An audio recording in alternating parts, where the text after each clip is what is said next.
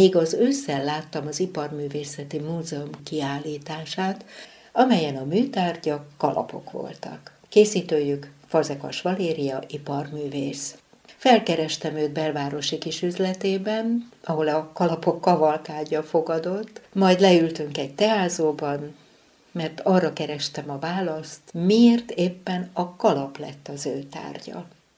Iparművészeti főiskolát végeztél a 80-as években valamikor. Emlékeim szerint az egy kalaptalan világ volt. Kalaptalan volt, de én öltözködési tárgyak kiegészítő szakán végeztem. A textilen belül, a, ezt hívják röviden bőr szaknak. Az anyag, a bőr volt a meghatározó, az azt jelenti, hogy cipőtervezés, táskatervezés és minden más, ami az öltözködést kiegészíti. Kesztyűt azt terveztem a főiskola elvégzése alatt is, de a kalapa nem találkoztam különösebben. A diplomámra kaptam egy olyan feladatot Szilvicki Margittól, hogy készítsek egy városi nőnek aki érdekesen akar felöltözni, fejtettőtől a cipőig öltözéket. Elkészítettem az első pár kalapot. És bőrkalap volt ez? Bőrkalap volt. Akkor mindenki azt mondta, hogy ezek olyan érdekesek, innovatívak, hogy nekem ezzel foglalkoznom kellene. Nehéz feladatnak néz ki egy laikus számára. Szilvicki Margit nagyszerű tanár volt, és olyan nyitott szellemű. Nagyon örültem ennek a feladatnak. A főiskola elvégzése után minden maradt, csak az anyag, nem a bőr. Átpártoltál a textilhez. Ez a bőr, az azért nagyon meghatározó. Nem lehet akár mekkora, nem nehéz is egy kicsit, nem lehet átlátszó. Formázni is nehezebb? Hogy nem lehet, mint egy gyapjút. Lehet domborítani. Amikor rájöttem, hogy ezeket a korlátokat én át szeretném hágni, akkor más anyagokat is kell találnom. És ez mikor lehetett? 90-es években? A közepén. Még akkor se volt divat a kalap. Nem, de, de akkor már a bőrtől egy kicsit eltávolodtam, és akkor már csak a táskák maradtak. Szépen azok is eltűntek az életemből, de nem mondom azt, hogy soha nem fogok ezzel foglalkozni. A főiskola elvégzése után én gyári tervező is voltam a Rákospaltai bőrdíszműnél. Orosz exportra készítettünk műbőrtáskákat annyira jó feladat volt, most így utólag nem nagyon kötött volt az anyagfelhasználási Igen. lehetőség. A grapoplaszt műbőrből, ami 30x40 centi, előállítani táskát szovjet exportra, ez bizony nagyon kreatív kihívás volt. Talán összeomlott az egész orosz piac is, és új korszak kezdődött. És új korszak, akkor ez a butik világi teljesedése, és akkor én is úgy döntöttem, hogy mégis a ruhák felé fordulok. Vállalkozásba kezdtél? Hát, mint művész, igen. Kényszervállalkozásban, mert máshogy nem lehetett. Többen összeálltunk. Iparművészek, kis stúdió, és akkor abból én kiváltam. Ez a kis üzlet mikor nyílt meg? A 90-es évek? Igen, de nehezen veszik észre azért, de nemzetközi útikönyvekben vagyok benne. És akkor tudják, hogy akkor tudják. téged hol keressenek. És akkor elindult és ez. De a kalap meg mindig maradt, és mindig voltak még más dolgok. Tehát Ahogyan most is láttam, hogy Igen. azért van egy párfajta ruhatípus. Nem olyan sok, de azért kiegészíti. Hogy is indul el ez a folyamat? Megvan az ötlet, és ahhoz keresek anyagot. De fordítva is működik, amikor meglátok egy olyan anyagot, még nem tudom, mire fogom használni, de nagyon tetszik, azt gyorsan megveszem, és kicsit spájzolom. Általában azért megtalálja az az anyag a helyét. Ez belőle egy olyan tárgy, amire először nem is gondoltam. Tehát, hogy egy ilyen inspirációs dolog is ez az anya. 80-as években teljesen eltűnt a kalapipar, a, a gyárak, és nem is volt egy külföldek kapcsolatunk, tehát a szocializmus alatt nem lehetett ilyen formázott kalapok anyagát beszerezni Magyarországon. És amikor megírtak a határok, akkor utána szép lassan, és meg az internet korában most már mindenhol külföldről lehet.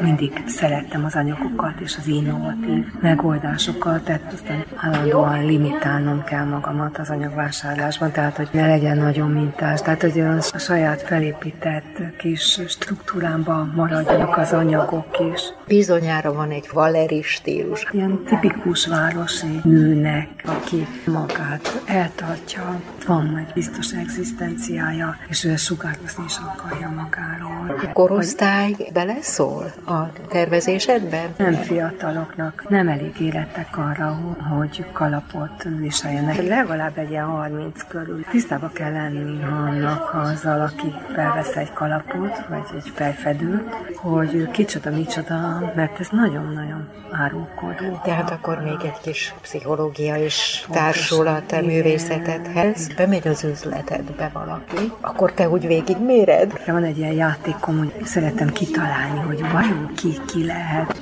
Van egy bizonyos arányszám, amiben eltalálom a foglalkozásokat. Mindig nagyon csodálkoznak, hogy ő, honnan tudom, hogy ő orvos. Hát az embereknek van egy ilyen öltözködés, szociológiai sugárzások, jelük.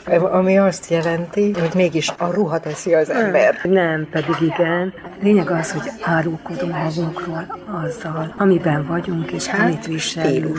Kapok egy képet arról, aki bejön, hogy miben van, miben érzi jól magát. Mindig mondom, hogy mutassa meg, hogy mi tetszik, van miből kiindulni, és akkor látjuk, hogy az áll, nem áll az arcához, a haja, a szemszíne, fejformája, az ember magassága, kora, sok minden van. Bizonyos magasság alatt állítólag nem jó kalapot viselni. Karimás kalapot, mert ez nagyon lenyom, és minél magasabb valaki, annál, annál jobban, jobban mutatnak rajta. De a karimás kalapot inkább azt mondanám.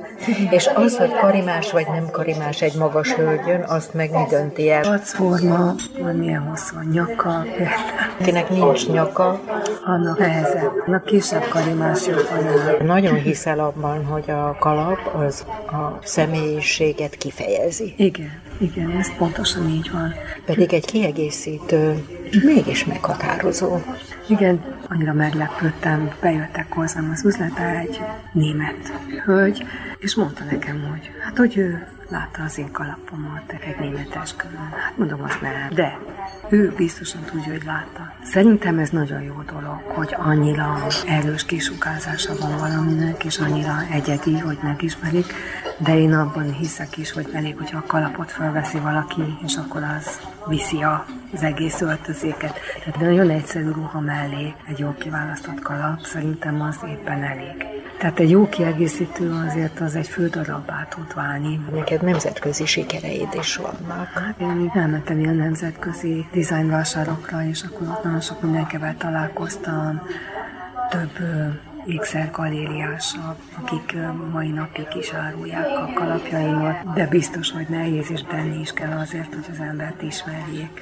Nagyon-nagyon örültem, hogy amikor beválasztottak egymás után többször, és annak is nagyon örültem, hogy ott egy ilyen nemzetközi designer társaságban az nagyon jó érzés, amikor az ember tudja, hogy elismeri a másik tervezőjét. Ha nem Ez így működik, hogy vannak vásárok? Ahova pályázni kell. Válogatják az embereket. Ha nem csinálom egyébként, mert én már kiöregettem azért, különben is van elég munkám, meg ez viszont jó hír, van kereslet a kalapjaidra. Hát, nem mondanám, hogy kereslet van, készítem, amit el tudok készíteni, és ha megveszik, megvették. Hát nagyon sok az ilyen visszatérő. Az azért árulkodó jel. Az a jó, hogy külföldiek. Ha különlegeset akar, akkor azt nálad megtalálja. Alkotás közben elgondolod, hogy ki lesz ez a kalap? Én arra nem gondolok, én csak magamnak akarok, én magamnak akarok megfelelni. Minden művész exhibicionista, én nem is kalapok játékokat csinálok, hanem én játékszeleket. Egy pillanat alatt átváltoznak a kalapjaid, egy-két mozdulat. Egy kis rés a kalapon, Igen. és már egy másik. Ezt szeretem, tehát ez a játék. Ez vagy te. Igen, ez. Játszom, de egyikből is a másikat. Tehát, hogy például itt volt ez a kiállítás. Mm, testhez álló volt neked. Én azt gondoltam, hogy nem az elején, hogy most aztán annyira belemerültem ebbe a témába, és a végén nem tudtam leállni, és ennyire inspirált. Teljesen egyszerű forma, egy, egy kör, lap, és hányféle hát variációja. Matematikailag, ábrázokon, geometriailag ha megkétszerezem, ha meg sokszorozom, vagy ha megtekerem, ha megtekerem kifordítom, kifordítom varázsolsz. Mennyi? Én nem, én csak gondolkodom, illetve azt mondom, hogy játszom. Leülök, szépen kitalálom, megvarom, vagy megformázom, és akkor az egy-két napom ő készen van. Nagyon hamar látom a végeret. Szerintem, aki szereti azt, amit csinál, az, az előbb-utóbb ilyen kutató lesz, és is. Te is kutattál? A... Mindig, mindig felbukkantak dolgok, amiért kutatni kellett, vagy, kut, vagy csak kíváncsiságból. Az új dolgok is érdekelnének. Szép jövő is jöhet a kalapkészítésben. Abban nem vagyok biztos, hogy nagyon általános lesz, mert nagyon egyszerűen is el lehet ezt a dolgot intézni kötött sapkával. Vagy egy kendő. Ezért kezdtem el ezeket a mobil tárgyakat készíteni, a táskába lehet tenni és kész. Köztem van a sapka és a kalap között, amivel foglalkozom. Amivel te foglalkozol, az nem a konfekció, az biztos.